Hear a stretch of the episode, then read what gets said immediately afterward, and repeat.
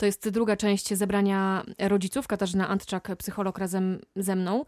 Jakie mogą być objawy lęku? Jak poznać, że dziecko się panicznie czegoś boi? Tutaj musielibyśmy też rozróżnić, czym jest strach i czym jest lęk. E, strach jest tak naprawdę naszą naturalną reakcją, tak, na takie realne zagrożenie. Natomiast w przypadku. Czy w obliczu koronawirusa mówimy o strachu czy o lęku? Znaczy, generalnie e, bardzo często dzieci doświadczają niestety tego lęku, tak, z tego względu, że e, w dużej mierze lęk opiera się na ich wyobrażeniach, tak, o wyobrażonym zagrożeniu. Dla przykładu, no dziecko wychodzące na przykład z domu od razu może założyć, że na pewno zarazi się koronawirusem i na pewno wydarzy się coś złego. Więc to jest jedna kwestia. Natomiast druga kwestia jest taka, że e, jeżeli my jako rodzice też widzimy, e, że dla dziecka staje się już to dużą uciążliwością, że zaczyna mieć duże problemy w normalnym funkcjonowaniu, zaczyna się izolować, tak, unikać różnych stre e, sytuacji stresujących. A może być też w drugą stronę, przesadnie pobudzone, przesadnie wesołe? To też może być taka reakcja na lęk? Może nie wesołe, natomiast dzieci, które, u których gdzieś tam się stwierdza już te zaburzenia lękowe, bardzo często są impulsywne. Niekiedy to się przejawia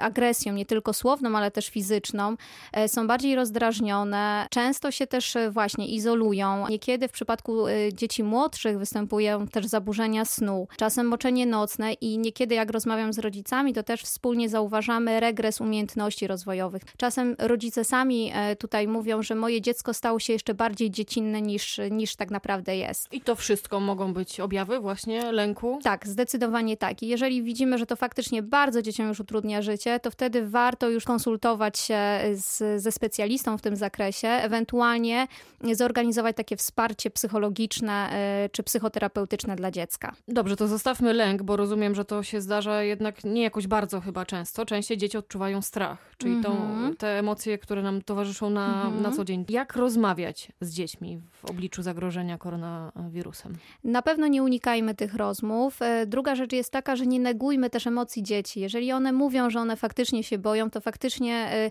tutaj y, wejdźmy w tą rolę dobrego takiego rozmówcy, tak? I, i, I zaakceptujmy to, tak? Powiedzmy, że tak, masz prawo się tak przestraszyć, masz prawo się tego bać, ale i tutaj rodzic właśnie powinien e, znaleźć jak najwięcej argumentów, które będą takim ukojeniem, uspokojeniem dla dziecka. Jakie to mogą być? Prosimy o podpowiedź. Zatem. Generalnie możemy powiedzieć, że y, tak, możesz się tego obawiać, natomiast pamiętaj, że na pewno zwracamy tutaj uwagę na higienę, że, że unikamy na przykład miejsc, mm, gdzie przebywa bardzo dużo ludzi. Czyli Także... minimalizujemy po prostu ryzyko wspólnie. Tak, tak, o to tu właśnie w tym wszystkim chodzi, żebyśmy znaleźli jak najwięcej takich argumentów, tak, które pokażą dzieciom, że faktycznie pojawia się zagrożenie, ale mamy tutaj to poczucie kontroli. Coś jeszcze? Jakieś wskazówki dotyczące rozmowy? Mhm. Może jakieś zabawy terapeutyczne? Jak najbardziej. Zabawy terapeutyczne bardzo się przydają w przypadku dzieci w wieku wczesnoszkolnym, jak i przedszkolnym, bo nie ukrywam, że tak naprawdę y, w taki sposób pracuje się poprzez zabawę z takimi, e, z takimi dziećmi.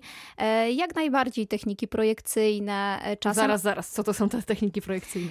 Generalnie tutaj faktycznie ta zabawa ma duże znaczenie, czyli po prostu odgrywamy różnorodne scenki, tak? Ewentualnie dużym narzędziem pracy, takim bardzo dobrym narzędziem pracy jest arteterapia, e, gdzie dziecko może nam narysować swój lęk. I to tak naprawdę e, bardzo dużo pomaga z tego względu, że dziecko odnosi takie wrażenie, że wyciągamy z dziecka ten lęk i nadajemy mu taką jakby odrębną postać, tak? Wtedy łatwiej dzieciom też w ogóle o tym mówić, o, e, odnosić się do takich sytuacji stresujących, lękowych. I kolejna rzecz jest taka, że czasem dla dzieci dobrym rozwiązaniem jest, kiedy my jako rodzice, jako osoby dorosłe powiemy, że na przykład będąc dzieckiem też czegoś się obawialiśmy. I kolejny jeszcze taki sposób, który widzę, że też zdaje egzamin w moim gabinecie, to wtedy, kiedy y, staramy się tutaj dzieciom pokazać, że mają w sobie tą sprawczość, mają w sobie tą ukrytą moc, tak, że one są w stanie poradzić sobie ze strachem, z sytuacją kryzysową, stresującą i, i mają w sobie ten duży potencjał i te zasoby. To zaraz jeszcze zapytam o to, jak to zrobić.